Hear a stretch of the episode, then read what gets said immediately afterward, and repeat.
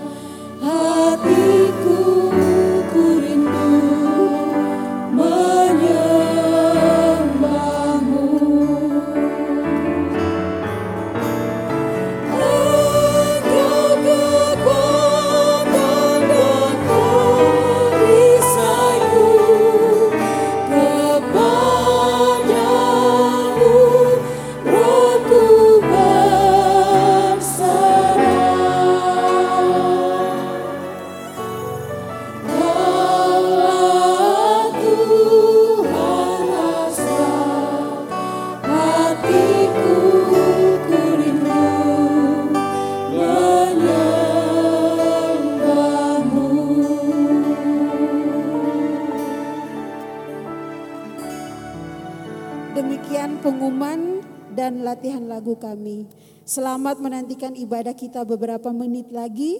Sekian, terima kasih. Tuhan Yesus memberkati.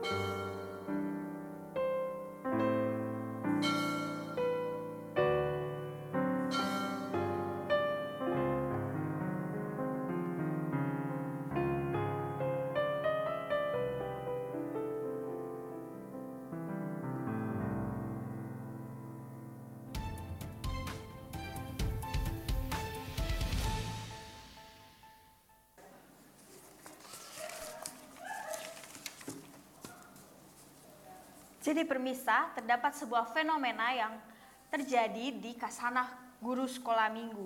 Konon katanya, guru sekolah minggu yang tersisa di GKI Gejayan mengalami sebuah wabah yang sangat menghebohkan. Iya ya wah.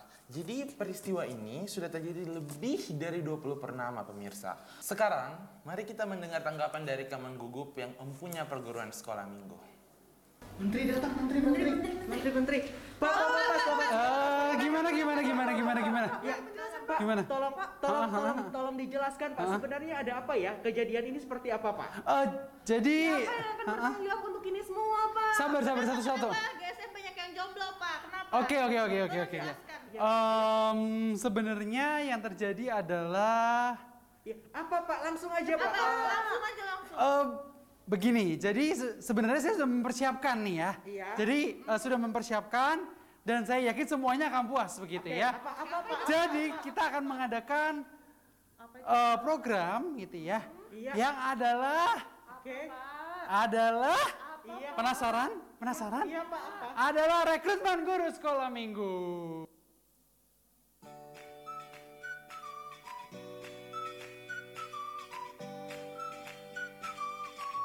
Ayo, kami tunggu kami tunggu ya di sekolah minggu GKI Gejayan. Ayo kami tunggu ya di sekolah minggu GKI Gejayan. Ayo, kami tunggu ya di sekolah minggu GKI Kejayan. Yuk, kami tunggu ya di Sekolah Minggu GKI Gejayan. Ayo, kami tunggu ya di sekolah minggu GKI Gejayan. Ayo, kami tunggu ya di sekolah minggu GKI Gejayan. Ayo kami tunggu ya di sekolah minggu GKI Gejayan. Ayo, kami tunggu ya di sekolah minggu GKI Gejayan. Ayo, kami tunggu ya di sekolah minggu GKI Gejayan. Kami tunggu ya di GKI Gejayan. Ayo kami tunggu ya di sekolah minggu GKI Gejayan.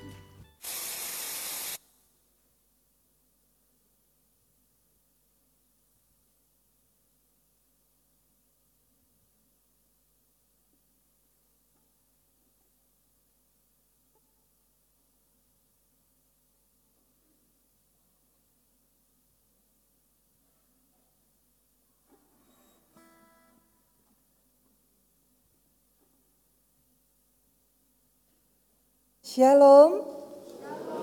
Selamat pagi Bapak Ibu dan saudara-saudara yang terkasih. Majelis Jemaat GKI Gejayan menyampaikan selamat datang dan selamat beribadah kepada semua warga jemaat yang hadir pada saat ini dan juga jemaat Tuhan di mana pun berada yang mengikuti siaran live streaming. Mari kita mempersiapkan diri dan hati kita untuk mengikuti ibadah pada hari ini. Bersama ini kami informasikan beberapa warta lisan sebagai berikut. Dalam kebaktian hari ini akan dilayankan sakramen perjamuan kudus. Mohon perhatian dari segenap jemaat. Kedua persekutuan doa pagi akan dilaksanakan pada hari Rabu 20 Juli 2022 pukul 06.30 WIB di Taman Eden GKI Kejayan. Ketiga kelas katekisasi baru akan dilaksanakan secara onsite di GKI Kejayan pada setiap hari Senin pukul 17.00 WIB dengan pembimbing Pendeta Paulus Lee dan akan dimulai pada hari Senin 8 Agustus 2022. Pendaftaran dapat menghubungi kantor gereja pada setiap jam kerja. Keempat tim konseling GKI Gejayan akan mengadakan webinar dengan tema Sex Education pada hari Sabtu 23 Juli 2022 pukul 18.30 WIB melalui Zoom. Webinar ini terbuka untuk umum. Kelima, mulai hari Minggu 24 Juli 2022 yang akan datang, layanan Zoom kebaktian umum pukul 08.00 WIB tidak lagi dilayankan. Jemaat dapat mengikuti ibadah daring melalui YouTube channel GKI Gejayan. Keenam, Komisi Pemuda GKI Gejayan akan mengadakan ibadah ikatan atau ibadah kasih awal tahun ajaran pada bulan September 2022 yang akan datang. Berkaitan dengan hal tersebut, maka kami mengundang teman-teman mahasiswa yang tergabung dalam PMK di Yogyakarta untuk terlibat sebagai panitia. Pendaftaran bisa menghubungi saudara Maura dan saudara Jonathan. Info selengkapnya dapat dilihat dalam sosmed GKI Gejayan. Ketujuh Komisi Anak GKI Gejayan masih memerlukan banyak tenaga pelayanan sebagai guru sekolah minggu. Oleh karena itu kami mengajak saudara yang mempunyai kerinduan dan komitmen dalam pelayanan anak untuk mengambil bagian dalam pelayanan ini. Kedelapan, program orang tua asuh dan kakak asuh Pondok Tetulung adalah program beasiswa pendidikan bagi anak-anak SD sampai dengan kuliah yang memerlukan dukungan finansial untuk melanjutkan pendidikannya. Kami mengundang jemaat untuk mengambil bagian dalam program ini. Bapak, Ibu, Saudara dapat menghubungi hotline penduduk Tetulung di nomor 0813 8883 3768. Kesembilan jemaat dapat melihat warta jemaat dan katalog tetulung secara lengkap dengan melihat akun atau link media sosial GKI Gejayan. Ibadah hari ini dengan tema jebakan sindrom Martawi Pelayan Firman, Pendeta Robert Setio dari Fakultas Teologi Universitas Kristen Duta Wacana Yogyakarta. Mari Bapak Ibu dan saudara yang terkasih, kita bersaat teduh sejenak.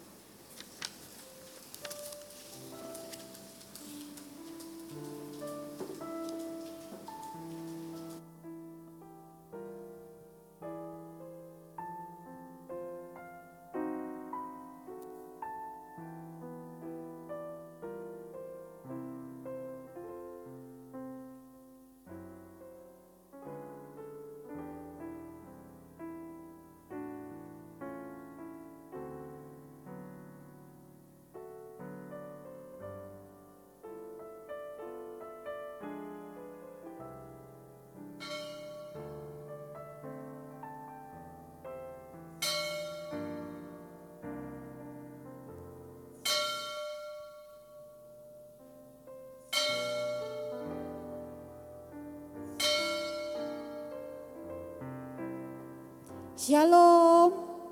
Shalom. Sekali lagi shalom. Shalom. Selamat pagi Bapak Ibu. Selamat pagi. Apa kabarnya hari ini Bapak Ibu? Puji Tuhan. Puji Tuhan kita kembali dan berkumpul di ibadah minggu ini. Saya yakin dan percaya bahwa kita semua punya kerinduan yang sama untuk membaca dan merenungkan firman Tuhan. Untuk memuji dan memuliakan nama Tuhan. Pada kesempatan kali ini saya mau mengajak jemaat Tuhan untuk saling menyapa samping kiri kanan sambil mengucapkan selamat beribadah. Tuhan Yesus memberkati. Ya, jemaat Tuhan, mari kita awali ibadah kita dengan memuji Tuhan Yesus Kristus yang mau merendahkan dirinya menjadi manusia yang melaksanakan kehendak Bapaknya untuk menebus dosa kita dan yang telah mengundang kita dalam perjamuan kudus hari ini. Mari dengan bangkit berdiri, kita pujikan terpuji Yesus Kristus.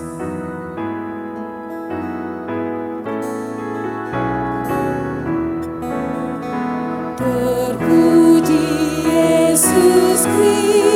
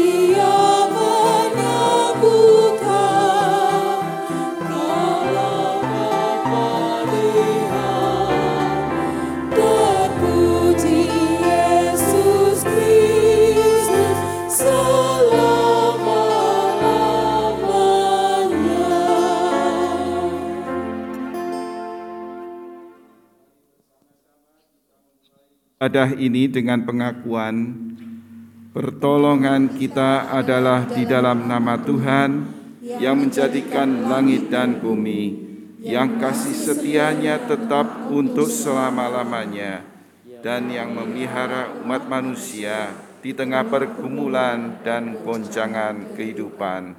Amin.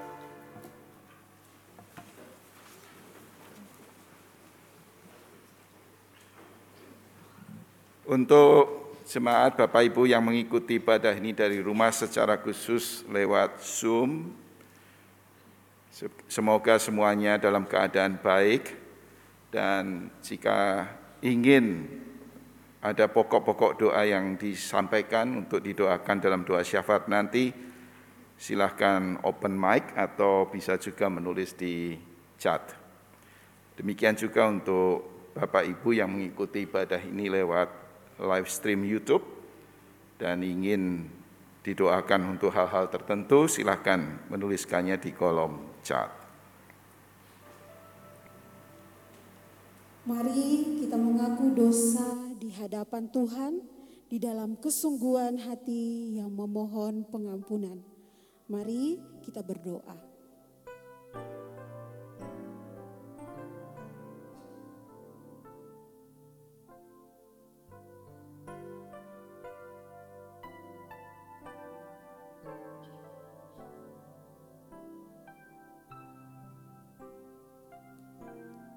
Ya Tuhan Allah yang baik, Inilah kami yang datang ke hadirat-Mu, tertunduk malu, mengaku segala dosa dan kesalahan kami.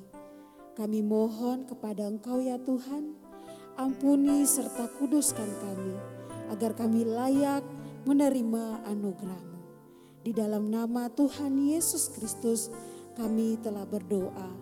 Amin.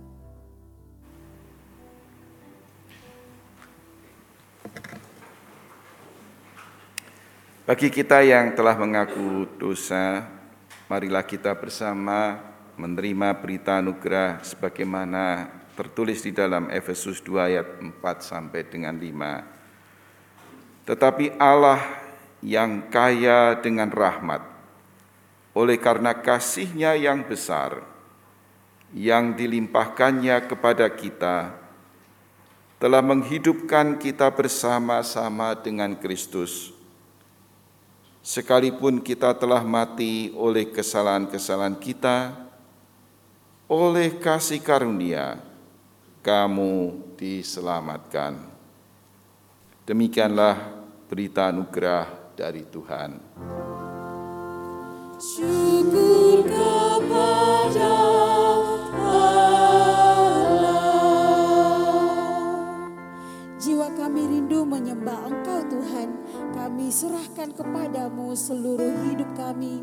Dan hanya kepada Engkaulah kami berharap dan meminta tolong. Seperti rusa yang haus merindukan sungai.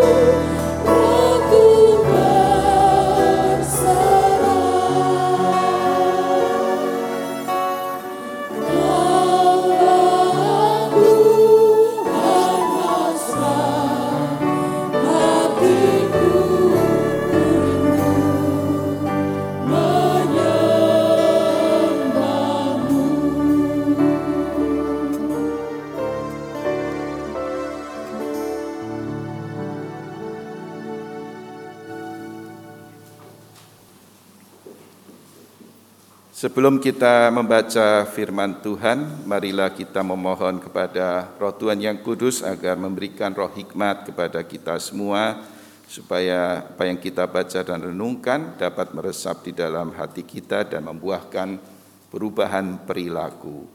Mari kita bersama berdoa.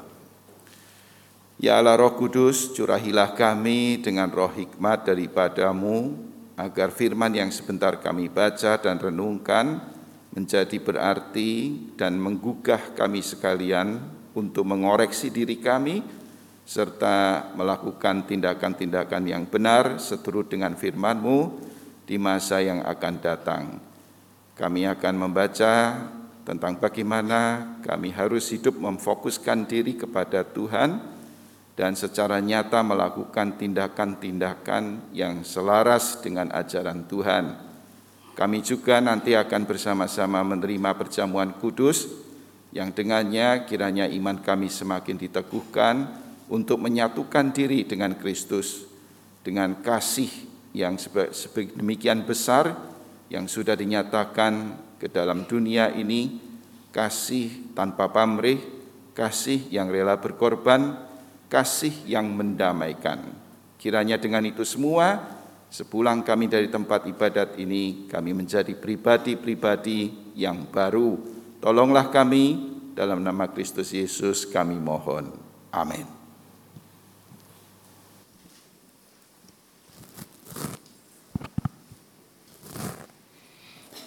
Kitab Kejadian pasal 18 ayat 1 sampai dengan 5.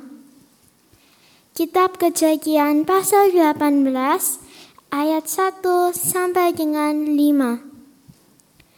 Kemudian Tuhan menampakkan diri kepada Abraham jika pontar bantin di Mamre.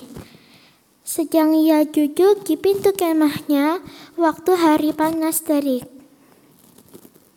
Ketika ia mengangkat mukanya, ia melihat tiga orang berdiri di depannya. Sesudah dilihatnya mereka, ia berlari dari pintu kemahnya, menyongsong mereka, lalu sujudlah ia sampai ke tanah, serta berkata, Tuanku, jika aku telah mendapat kasih Tuanku, janganlah kiranya lampaui hambamu ini. Biarlah diambil air sedikit, basuhlah kakimu, dan duduklah beristirahat di bawah pohon ini. Biar aku ambil sepotong roti, supaya tuan-tuan segar kembali. Kemudian bolehlah tuan-tuan meneruskan perjalanannya. Sebab tuan-tuan telah datang ke tempat hambamu ini. Jawab mereka, berbuatlah seperti yang kau katakan itu. Demikianlah sabda Tuhan.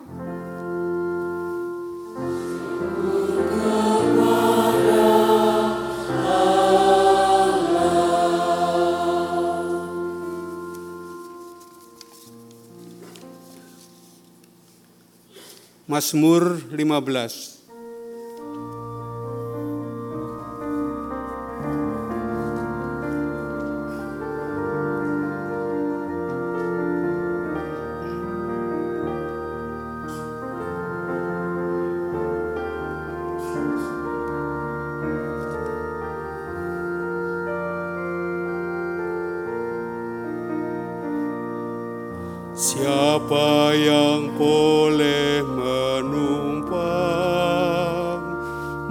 masuk dalam rumahmu ya Tuhan?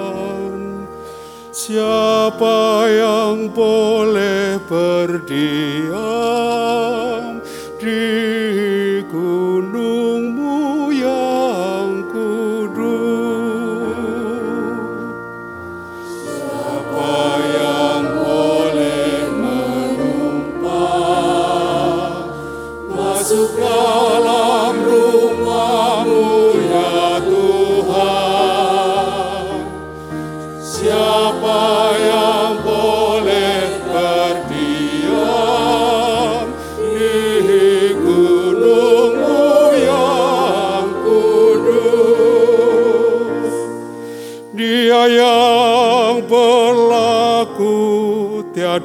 bercela yang melakukan apa yang adil yang dengan segenap hati berkata benar yang lidahnya tak suka memfitnah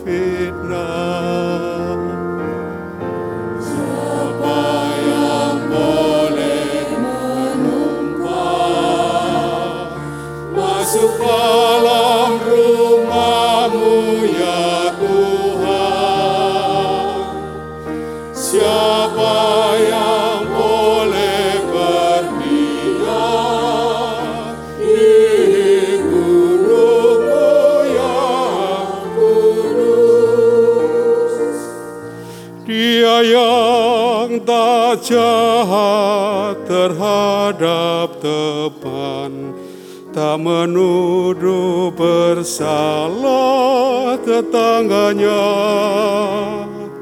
Tak mendukung yang hidup di dalam celah tapi muliakan yang takut Tuhan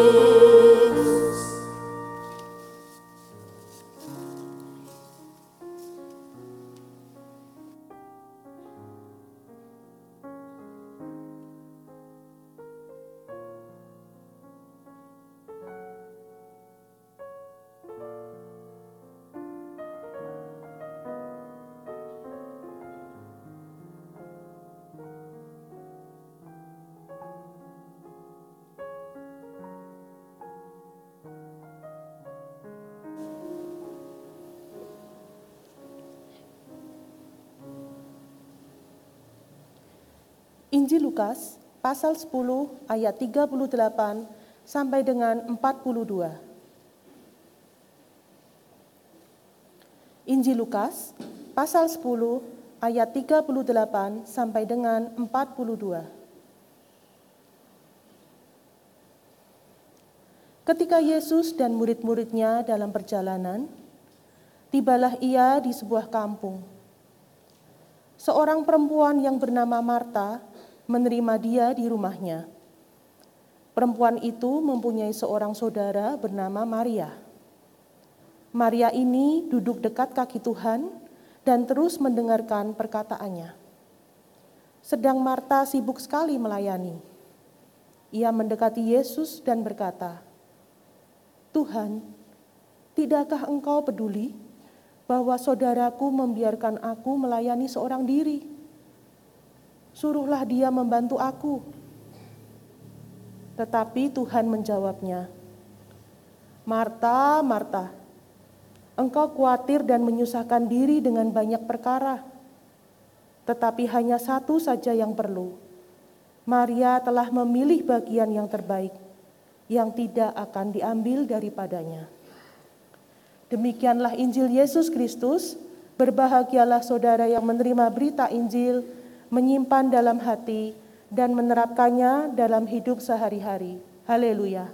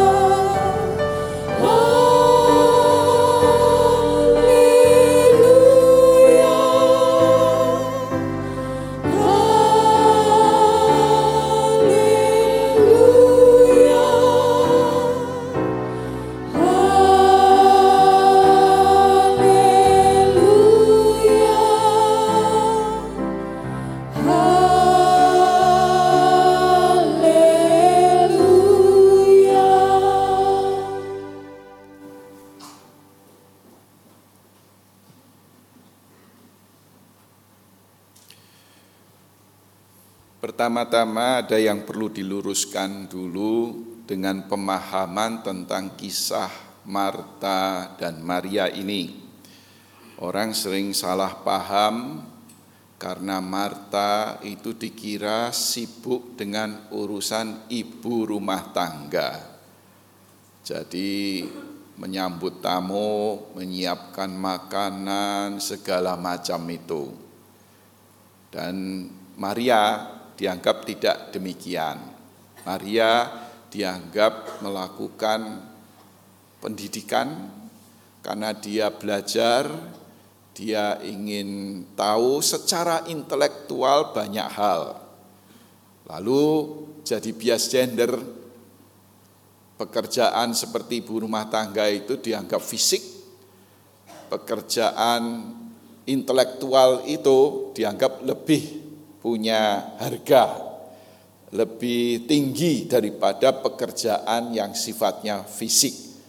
Jadi sudah sekian lama kisah ini lalu dipakai sebagai bukti untuk mengatakan lebih penting pendidikan daripada pekerjaan fisik, pekerjaan yang biasanya dilakukan oleh ibu rumah tangga. Tidak demikian sebenarnya saudara-saudara. Kita tidak pernah mendapati di dalam cerita ini Marta melakukan kesibukan ibu rumah tangga. Tadi di ayat yang ke berapa ya? Melayani ya kata Mari Marta itu melayani. Nah, kata melayani yang dikenakan kepada Marta itu dari bahasa Yunani diakonia. Nah, kalau sekarang kata diakonia dipakai di dalam gereja untuk pelayanan-pelayanan bagi orang miskin, eh, yatim piatu, janda-janda dan seterusnya. Tapi di masa dulu dalam konteks budaya Yunani, diakonia itu pengertiannya luas, pengertiannya seperti seorang pegawai negeri ASN kalau zaman sekarang yang melaksanakan tugas-tugasnya. Bisa juga seorang pekerja yang melaksanakan tugas-tugas dari atasannya. Itu diakonia. Jadi sebetulnya melayani yang dilakukan oleh Marta itu ya melaksanakan tugas saja. Memang dia kelihatan sibuk sekali dengan tugasnya, itu yang nanti dipersoalkan. Tapi Biarlah kita sekarang mengingat bahwa ini bukan soal ibu rumah tangga versus anak sekolahan. Ya karena sampai sekarang kalau kita di Indonesia ini masih ada yang berpikir bahwa pendidikan itu lebih daripada pekerjaan-pekerjaan fisik apalagi ibu rumah tangga sehingga kalau anaknya eh, banyak lalu orang tua kesulitan untuk menyekolahkan anaknya, nah selalu ada yang dipilih. Biasanya yang laki-laki disuruh melanjutkan sekolah, yang perempuan biar nanti jadi ibu rumah tangga saja. Jadi dianggap itu pekerjaan yang lebih rendah. Bukan itu ya. Jadi itu yang perlu kita luruskan pertama-tama. Kalau begitu, apa masalah Marta sebetulnya? Apa masalah Marta? Nah saudara-saudara sebelum kisah ini kita mendapati sebuah kisah yang terkenal. Kalau sempat buka Alkitabnya di pasal 10 juga mulai ayat 25 itu kan diceritakan tentang seorang ahli Taurat yang datang bertanya kepada Yesus tentang hidup kekal. Ya, ini serius ya, jadi dia tidak dalam rangka mencoba Yesus ingin tanya, ingin belajar apa hidup kekal. Lalu Tuhan Yesus menunjukkan bukannya ada di dalam Taurat itu. Ya, semua itu dinyatakan. Oh ya, gitu. Lalu diteruskan lagi tentang yang paling inti dari kitab Taurat yaitu kasihilah Tuhan Allah, kasihilah sesama itu. Dan itu yang memang menjadi inti kan dari Taurat bahkan Alkitab sampai dengan sekarang. Tanya lagi, apa maksudnya? Lalu diberikan perumpamaan yang terkenal tentang orang Samaria yang murah hati. Nah, diceritakan kan kalau refresh sedikit tentang orang yang dirampok.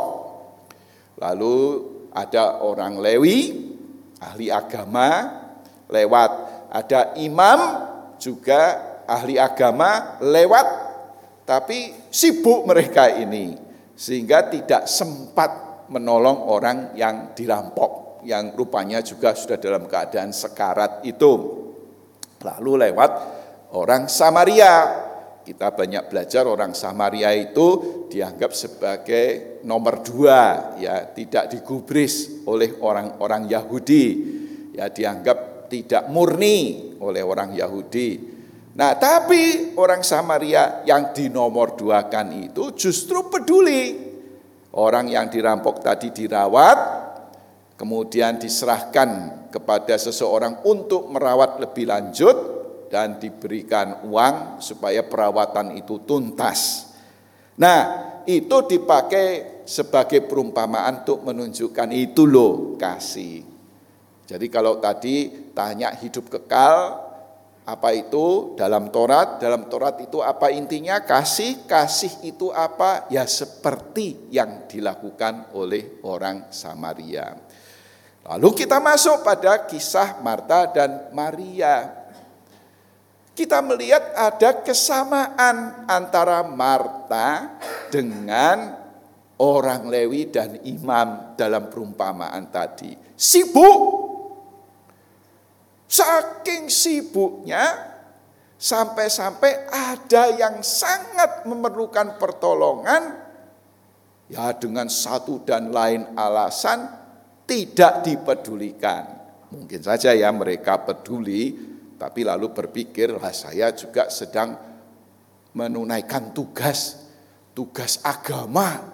Tugas agama itu kan nomor satu, tidak bisa ditunda-tunda. Nah, sudah biar orang lain saja nanti yang memedulikan orang yang sedang sekarat ini. Pasti akan ada orang yang menolong. Baik Lewi maupun imam sibuk dengan urusan agama yang dianggap sebagai urusan mulia, urusan nomor satu prioritas. Nah itu yang rupanya ingin disampaikan lewat kisah Marta dan Maria. Sebuah kesibukan yang dianggap penting belum tentu sepenting itu.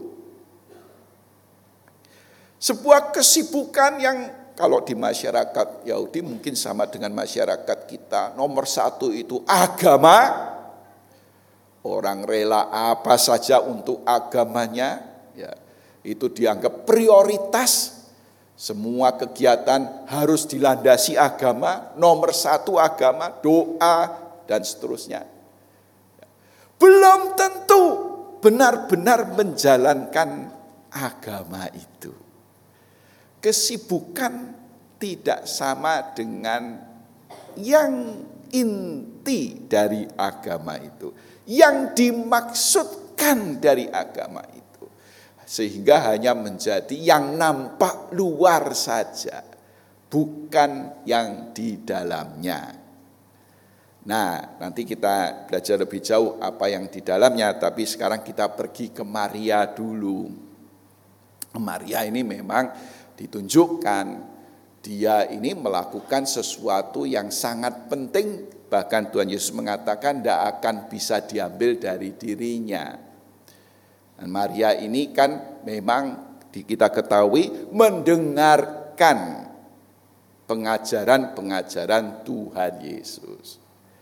Ya sekali lagi persoalannya tidak sekedar soal belajarnya, Persoalannya tidak sekedar mengetahui banyak, tetapi yang dilakukan oleh Maria ini adalah meresapi ajaran Tuhan Yesus yang mungkin sudah didengar beberapa kali. Tapi coba diresapi. Memang kita tidak banyak mendengar apa yang dilakukan oleh Maria. Tetapi kalau kita kaitkan dengan kisah orang Samaria yang murah hati, Yang dikehendaki adalah sikap seperti orang Samaria yang murah hati. Jadi tidak sekedar belajar tapi bisa mempraktekkan yang dipelajari. Belajar dari Tuhan Yesus tentang Tuhan Yesus tetapi harus diikuti juga dengan praktek. Mengapa? Karena praktek itu juga proses belajar. Kalau di perguruan tinggi selalu ada praktek entah laboratorium, entah praktek kerja nyata, magang, ya semua bentuk pendidikan tinggi bidang selalu diikuti dengan praktek. Tidak bisa cuma teori saja. Walaupun sering kali dikeluhkan lulusan perguruan tinggi tidak siap kerja atau belum siap kerja perlu di training lagi supaya bisa praktek. Demikianlah pentingnya praktek karena dari praktek orang belajar. Selalu ada siklus ya. Belajar sesuatu yang baru dipraktekkan, dipraktekkan kemudian direfleksikan menjadi sebuah pelajaran, ada koreksi, ada introspeksi, pembaruan ya. Kalau di perguruan tinggi disebut inovasi dan seterusnya, pokoknya ada sesuatu yang dipelajari, dipelajari itu berarti ada perkembangan, ada perbaikan dan seterusnya. Dalam mengikut Tuhan Yesus pasti praktek itu utama.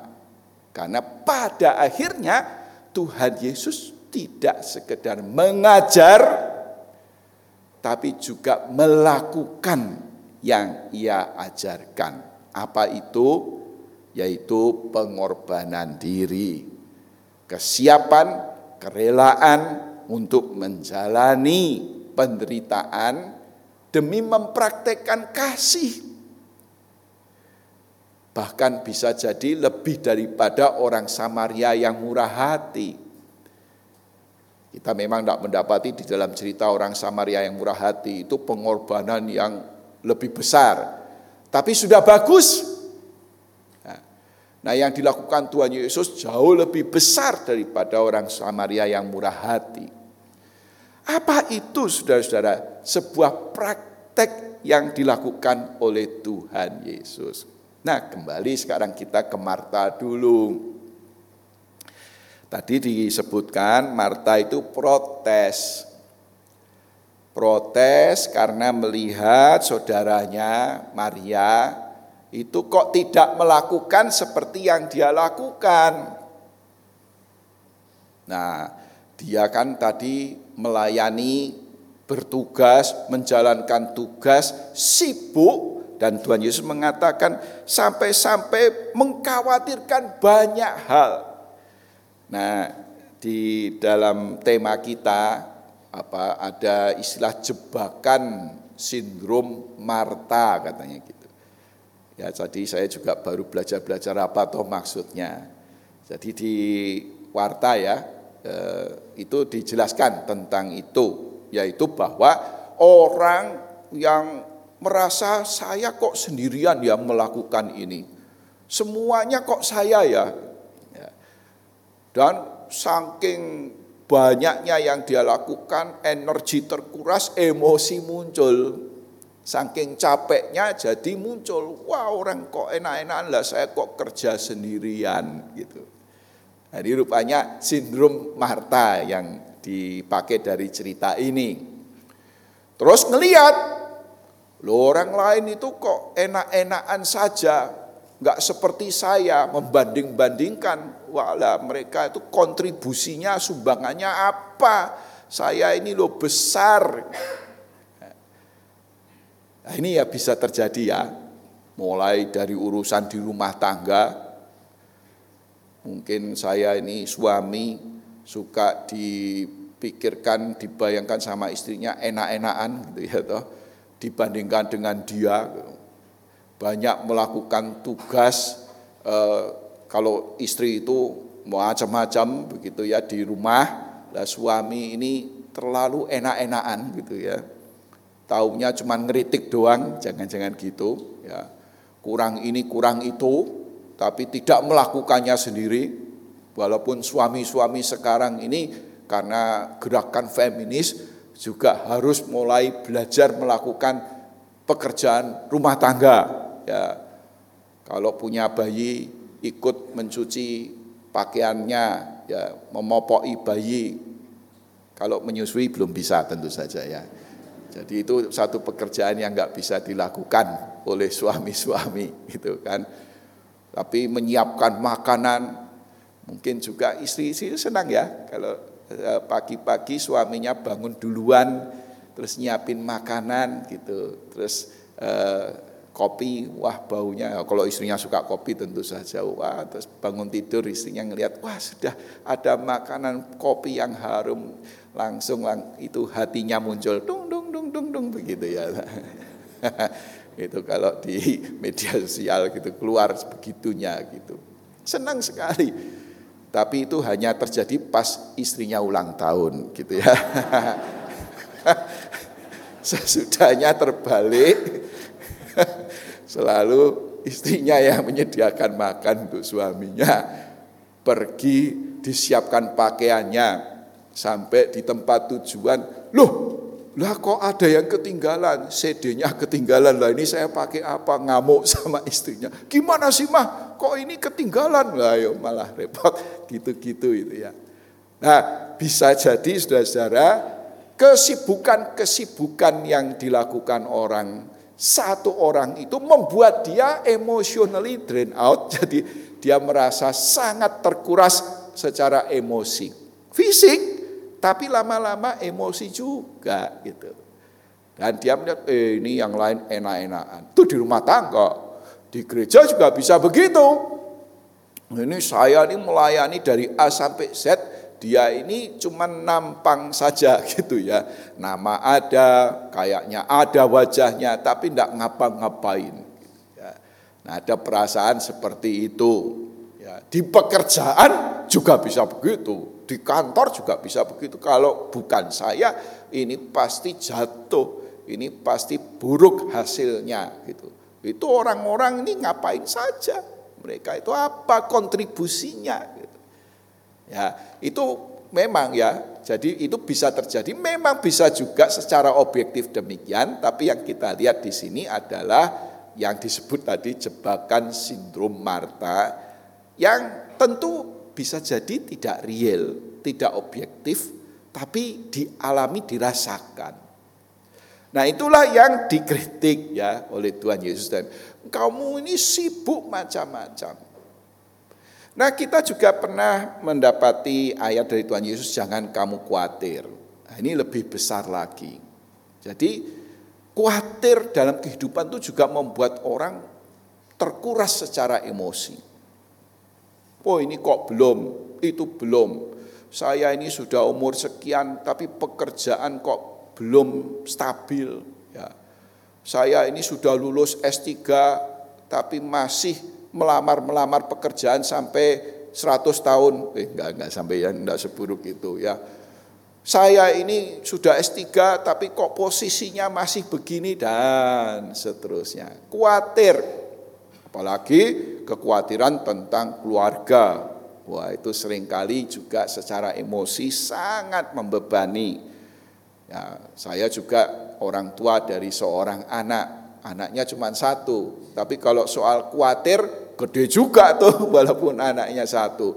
Udah menikah, ya khawatirnya juga masih ada. Nanti gimana ya dia ini sehat tidak, nanti ke depannya gimana ya, terus pikir juga padahal anaknya sudah menikah gitu ya. Nah, kalau punya cucu satu kali ya juga bisa begitu. Waduh cucu saya gimana ya dan seterusnya. Tidak ada habisnya kekhawatiran. Ya. Nah itu dibedakan dari Maria yang tenang, yang bisa mengontrol dirinya, menguasai dirinya, fokus Nah itu kiranya yang kita lihat dari Maria. Dia fokus. Hidup ini ada banyak hal, tapi sebaiknya kita fokus karena tidak mungkin semua bisa kita lakukan. Kalau saya pendeta ini juga tidak mungkin bisa melayani semua orang, apalagi menyenangkan semua orang. Kalau itu yang terus dijadikan kekhawatiran, stroke, jantung, dan seterusnya. Gitu ya. Bukan berarti terus alasan tidak ngapa-ngapain loh ya, jangan dibalik terlalu ekstrim. Fokus. Kadang-kadang itu kalau kita bandingkan antara bangsa kita dengan orang yang di bangsa eh, negara-negara lebih maju terasa sekali bedanya dalam soal fokus. Kalau kita mengerjakan pekerjaan itu kan multitasking. Dari dulu orang Indonesia sudah multitasking, apa saja dikerjakan. Dosen juga begitu, bidangnya nggak jelas karena semuanya diurusi begitu kan ya. Jadi kayaknya master serba bisa gitu ya. Jadi dia doktor serba bisa itu gelarnya. Semua semuanya diurusi kurang fokus. Ya, kalau di perguruan tinggi diingatkan terus namanya kalau orang penelitian itu ya mesti fokus. Ada linearitas dan seterusnya, saya tidak usah cerita soal begitu. Tapi memang kurang fokus, entah di dalam bidang yang dia kerjakan atau dalam kehidupan ini. Tentu untuk fokus ya kita perlu merelakan yang tidak bisa kita lakukan. Itulah iman. Iman kepada Tuhan itu percaya. Kayak perumpamaan ada orang nanam tidur. Bangun dia lihat loh tumbuh tanamannya. Kenapa? Ya karena tidak segala hal harus dia yang melakukannya. Ada Tuhan yang ikut campur dalam kehidupan ini. Nah kalau begitu beriman saya melakukan secara maksimal yang saya lakukan dengan fokus, selebihnya biarlah Tuhan yang menyelesaikannya. Kan selalu gitu di saya juga begitu kan. Kalau kita mau khawatir sana sini sana sini, lepas iman kita. Kayaknya beriman, tapi nggak beriman. Itu ateis praktis. Karena nggak bisa percaya Nggak bisa percaya pada Tuhan, nggak bisa percaya sama orang lain. Maksudnya orang lain tuh bisa dipakai oleh Tuhan. Itu. Jadi harus saya. Nah, enggak bisa tenang. Enggak bisa seperti Maria. Itulah yang kita pelajari dari Maria. Tentu saja pada akhirnya fokus itu membuat kita lebih melihat Tuhan Tuhan Yesus yang mengajarkan kasih. Dan itulah yang harusnya menjadi fokus kita juga dalam hidup beriman. Menjadi seperti Tuhan Yesus. Melakukan kasih. Jadi kalau sibuk dengan berbagai macam urusan termasuk agama juga. Kalau belajar terlalu banyak tapi tidak bisa mempraktekkan itu kehilangan fokus namanya. Jadi dari sekian banyak pelajaran apa intinya? Dari sekian banyak yang diajarkan Tuhan Yesus, yang dilakukan Tuhan Yesus, yang ditulis Alkitab, apa intinya? Itu perjalanan menuju salib, pengorbanan diri, menyatakan kasih Tuhan. Yang sebentar kita juga akan terima kembali, teguhkan kembali lewat pelayanan perjamuan kudus. Biarlah kita semua memfokuskan diri dalam kehidupan ini dan terutama memfokuskan diri pada yang dilakukan oleh Tuhan Yesus mengasihi orang lain. Jangan khawatir akan banyak hal sampai-sampai membuat kita kehilangan kendali atas kehidupan kita. Amin.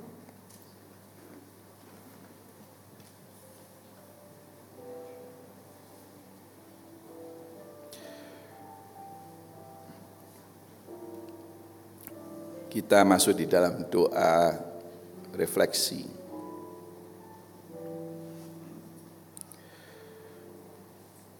Pikiran kami ini sering terisi dengan berbagai macam bayangan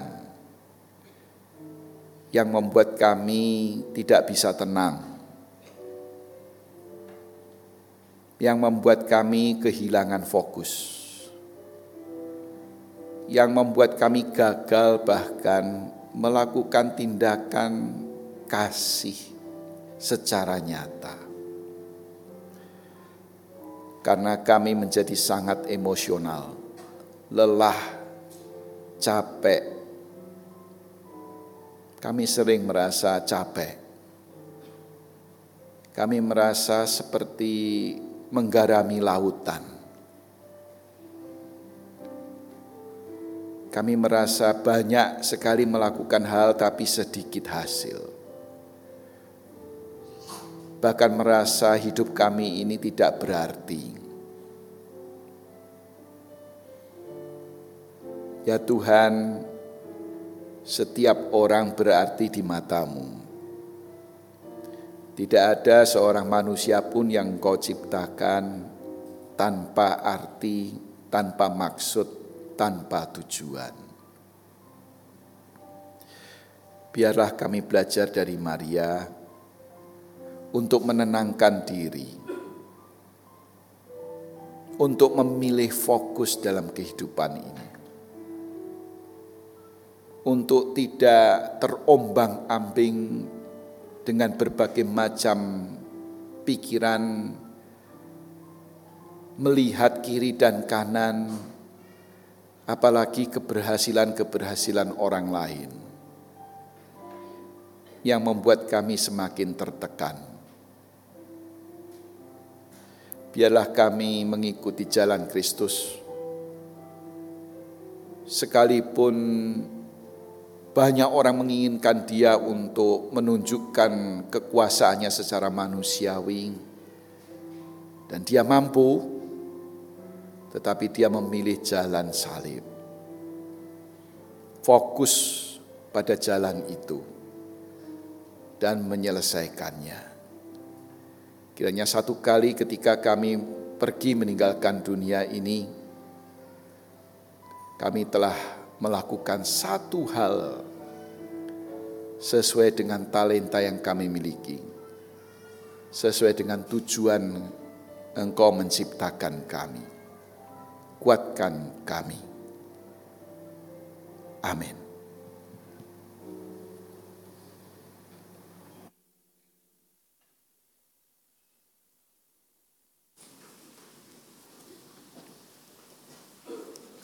Jemaat yang terkasih, mari bersama seluruh orang percaya di segala tempat dan di sepanjang segala abad, kita mengikrarkan pengakuan iman kita berdasarkan pengakuan Imam Rasuli demikian. Aku percaya kepada Allah, Bapa yang Maha Kuasa, Halik langit dan bumi, dan kepada Yesus Kristus anaknya yang tunggal Tuhan kita, yang dikandung dari roh kudus, lahir dari anak darah Maria, yang menderita sengsara di bawah pemerintahan Pontius Pilatus, disalibkan, mati dan dikuburkan, turun ke dalam kerajaan maut. Pada hari yang ketiga, bangkit pula dari antara orang mati, naik ke sorga, duduk di sebelah kanan Allah, Bapa yang Maha Kuasa. Dan dari sana ia akan datang untuk menghakimi orang yang hidup dan yang mati. Aku percaya kepada Roh Kudus, gereja yang kudus dan am, persekutuan orang kudus, pengampunan dosa, kebangkitan orang mati, dan hidup yang kekal. Amin.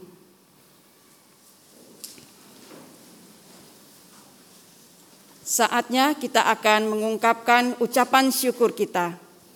Mari kita mengumpulkan persembahan sambil mengingat 1 Tawari 29 ayat yang ke-14. Mari kita baca bersama-sama. Sebab siapakah aku ini dan siapakah bangsaku sehingga kamu mampu memberikan persembahan sukarela seperti ini sebab daripadamulah segala-galanya dan dari tanganmu sendirilah persembahan yang kami berikan kepadamu. Selamat memberikan persembahan yang terbaik bagi Tuhan. Tuhan pencipta semesta.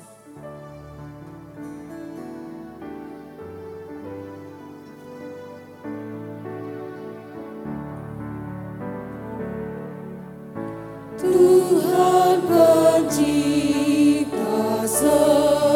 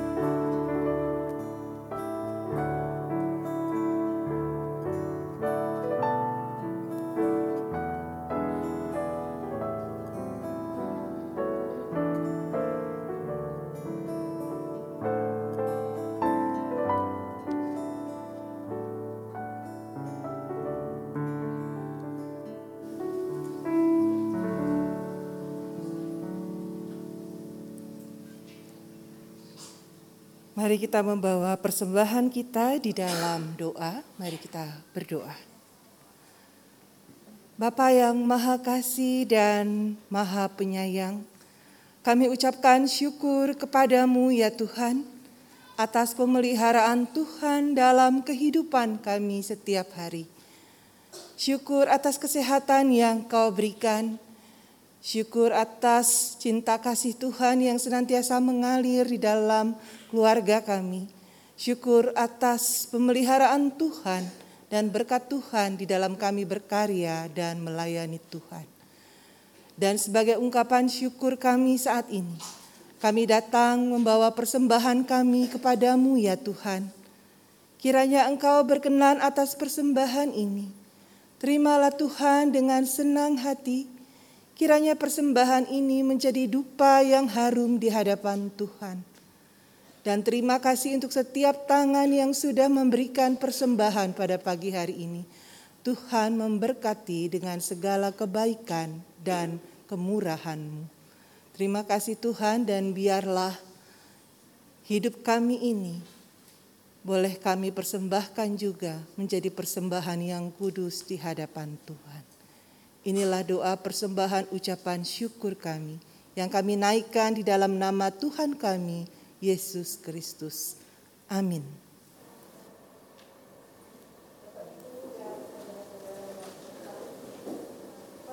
Menyambut anak-anak sekolah minggu yang akan bergabung bersama kita untuk merayakan perjamuan kudus.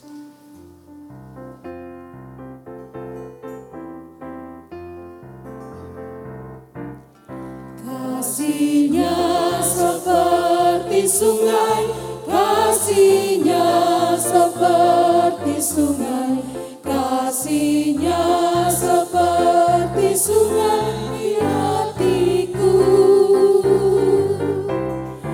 Kasihnya seperti sungai, kasihnya seperti sungai, kasihnya seperti sungai di hatiku. Kasihnya seperti sungai. Kasihnya seperti sungai, kasihnya seperti sungai. Kasihnya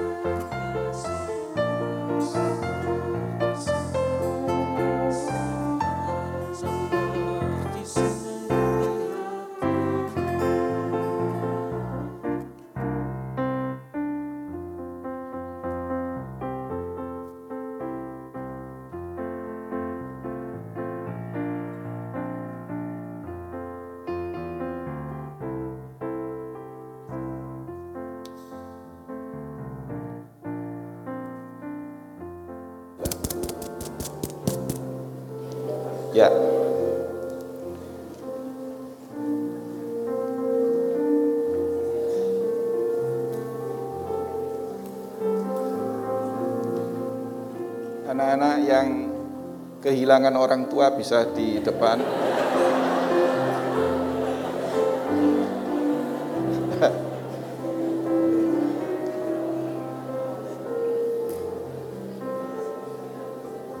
Sudah semua. Bisa juga duduk di sini di depan. Saya menjadi orang tua angkat mereka.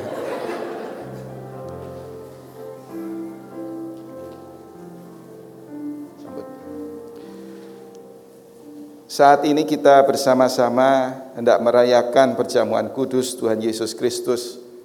Karena Tuhan sendirilah yang menempatkannya dan mengundang kita untuk melakukannya. Pada perjamuan ini anak-anak turut diundang untuk mengambil bagian dalam perjamuan kudus dan belajar dari Tuhan Yesus yang berkata, biarlah anak-anak itu janganlah menghalang-halangi mereka datang kepadaku. Matius 19 ayat 14. Marilah kita juga mengajak anak-anak untuk menerima anugerah Tuhan ini. Perjamuan kudus ini diperuntukkan bagi saudara-saudara dan anak-anak yang telah dibaptis dan tidak berada di bawah penggembalaan khusus. Dengan penuh sukacita, kami juga menyambut saudara-saudara yang berasal dari gereja-gereja lain yang bersedia dan siap untuk merayakan perjamuan kudus bersama dengan jemaat di sini. Marilah kita mengarahkan hati kepada Tuhan dan memeriksa kesiapan diri kita di hadapan Tuhan. Apakah kita hidup dalam damai dengan Allah dan dengan sesama kita? Di dalam ketidaksempurnaan kita semua, kita percaya Allah akan menyucikan kita dari segala dosa kita dan menyempurnakan pemahaman kita dalam memahami misteri perjamuan kudus ini. Mari kita bersama berdoa. Kami mengucap syukur sekali lagi kami diundang untuk terlibat datang menerima perjamuan kudus dari Tuhan yang meneguhkan iman kami bahwa kami telah mengalami penyucian dosa, hidup baru, karena Tuhan bersedia berkorban untuk kami semua. Kami juga diteguhkan untuk melakukan ajaran perbuatan Kristus dalam hidup ini. Kiranya lewat perjamuan kudus ini kami dimampukan untuk menjadi saksi-saksi Tuhan dalam kehidupan di rumah tangga kami dan di masyarakat. Kami menjadi Kristus-Kristus di tengah keluarga dan di tengah masyarakat kami. Amin.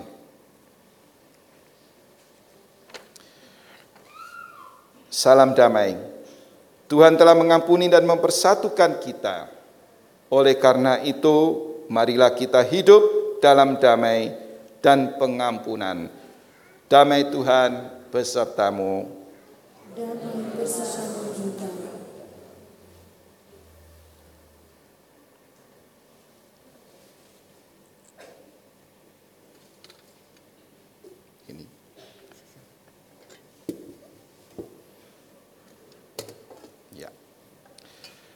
Saudara-saudara, Kristus pada waktu dia diserahkan mengambil roti dan sesudah itu mengucapkan syukur atasnya dan memecahkannya dan berkata, inilah tubuhku yang diserahkan bagi kamu. Perbuatlah ini menjadi peringatan akan aku.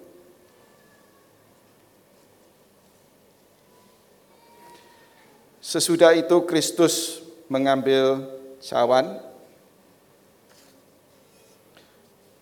dan menuangkan anggur serta berkata, inilah perjanjian baru yang dimeteraikan oleh darahku. Perbuatlah ini setiap kali kamu meminumnya menjadi peringatan akan aku. Ambillah.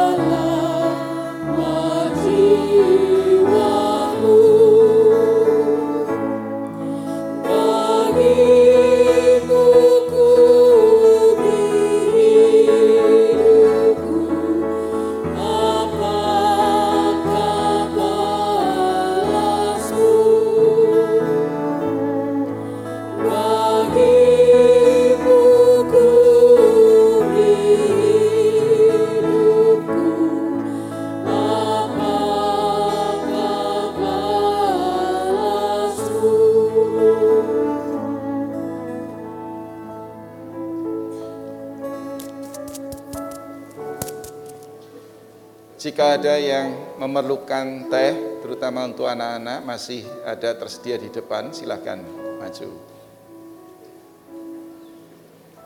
Dah semua ya.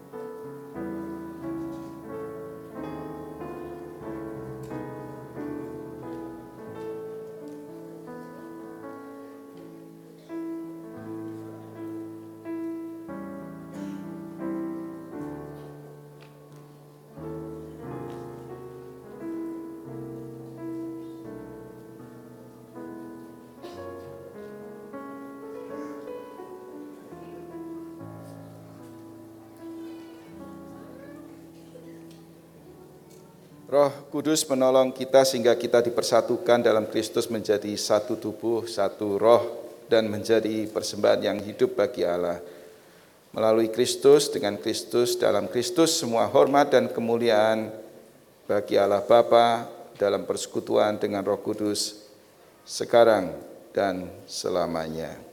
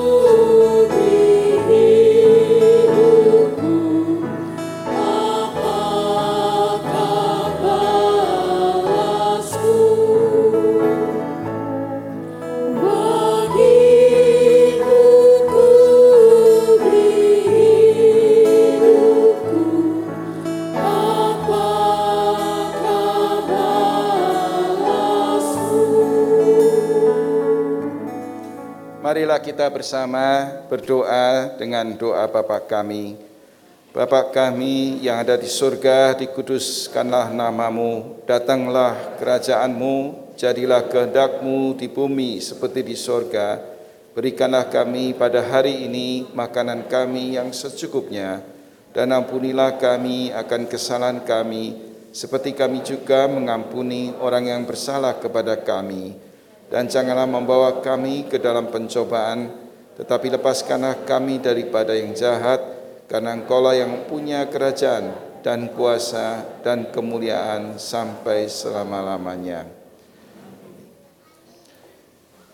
Makanlah roti ini sambil ingat dan percayalah bahwa tubuh Tuhan kita Yesus Kristus telah diserahkan bagi keselamatan dunia.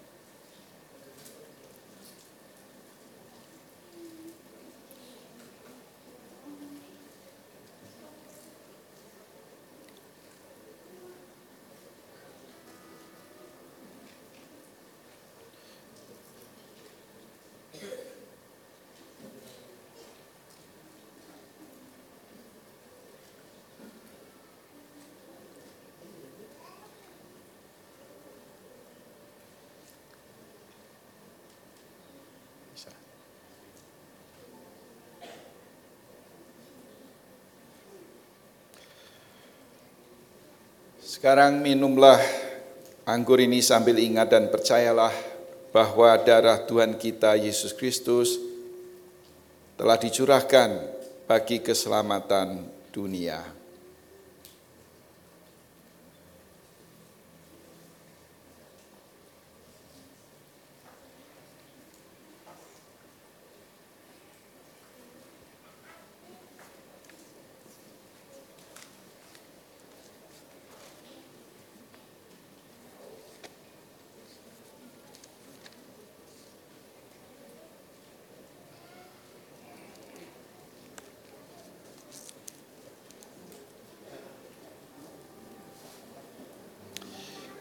Mazmur 103 sebagai Mazmur pujian.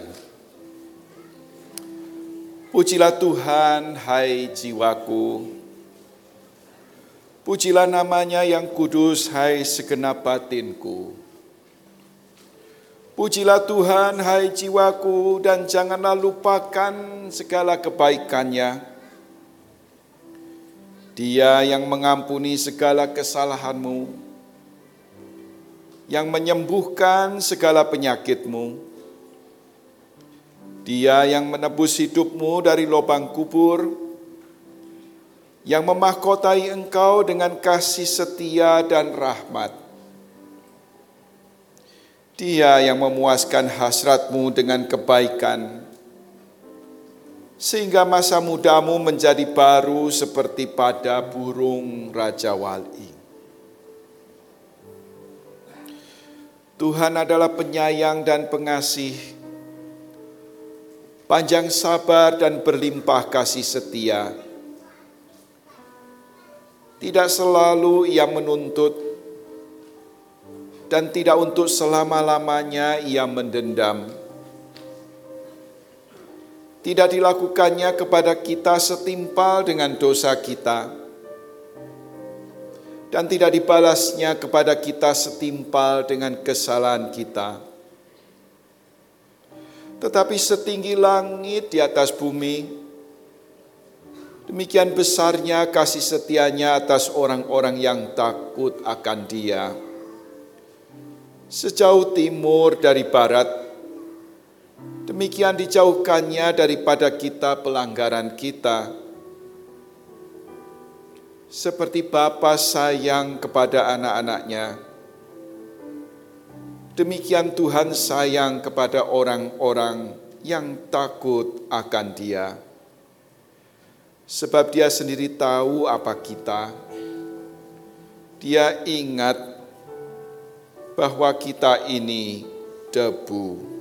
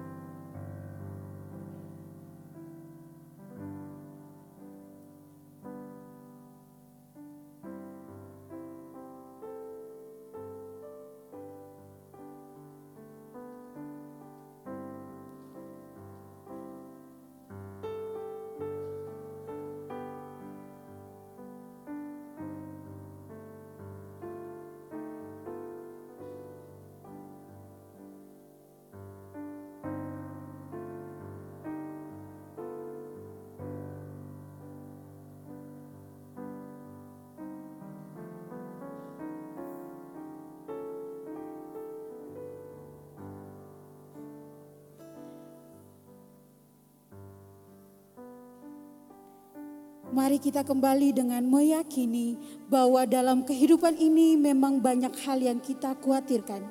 Namun jangan takut, serahkanlah segala kekhawatiranmu kepada Tuhan.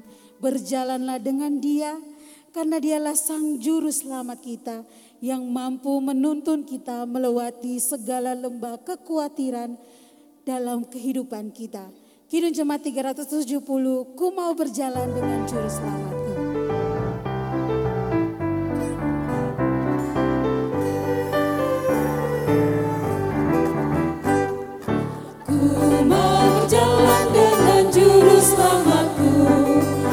Sampai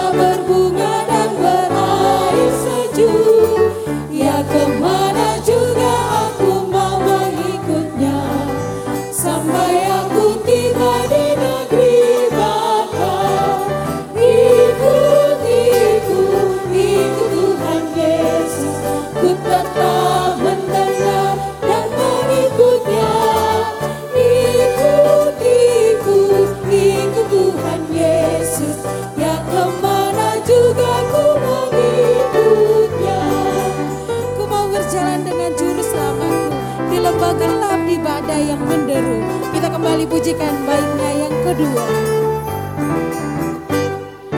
Ku mau berjalan dengan juru selamatku di lembah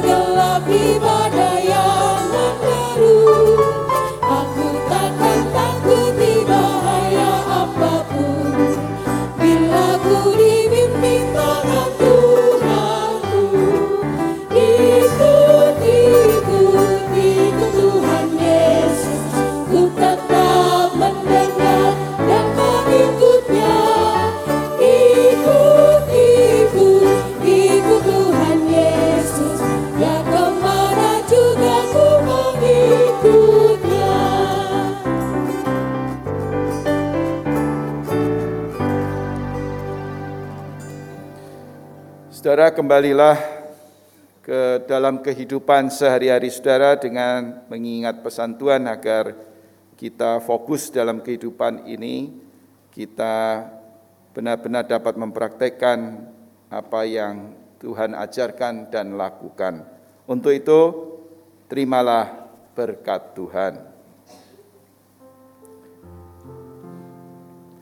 Kasih Tuhan mengiringimu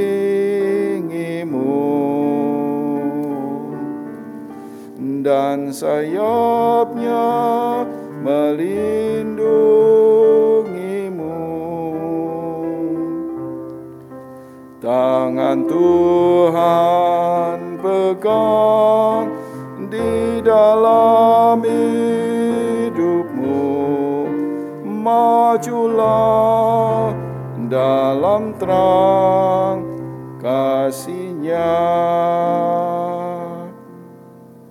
Kasih Allah Bapa dan persekutuan di dalam Roh Kudus ada pada saudara sekalian dari sekarang ini sampai Tuhan datang kembali. Haleluya. Amin.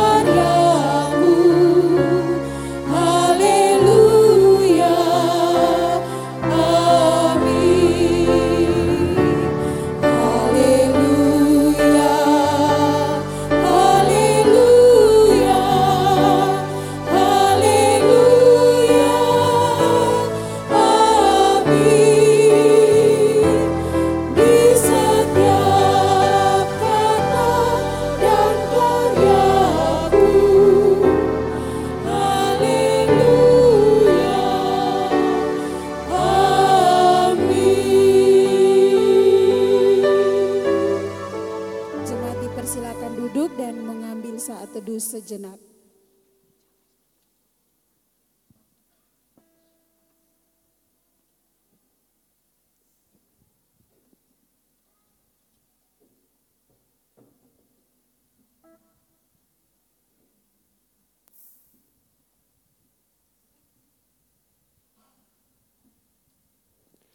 Harap jemaat tetap di tempat duduk menanti arahan aser untuk keluar agar tidak terjadi penumpukan di pintu keluar.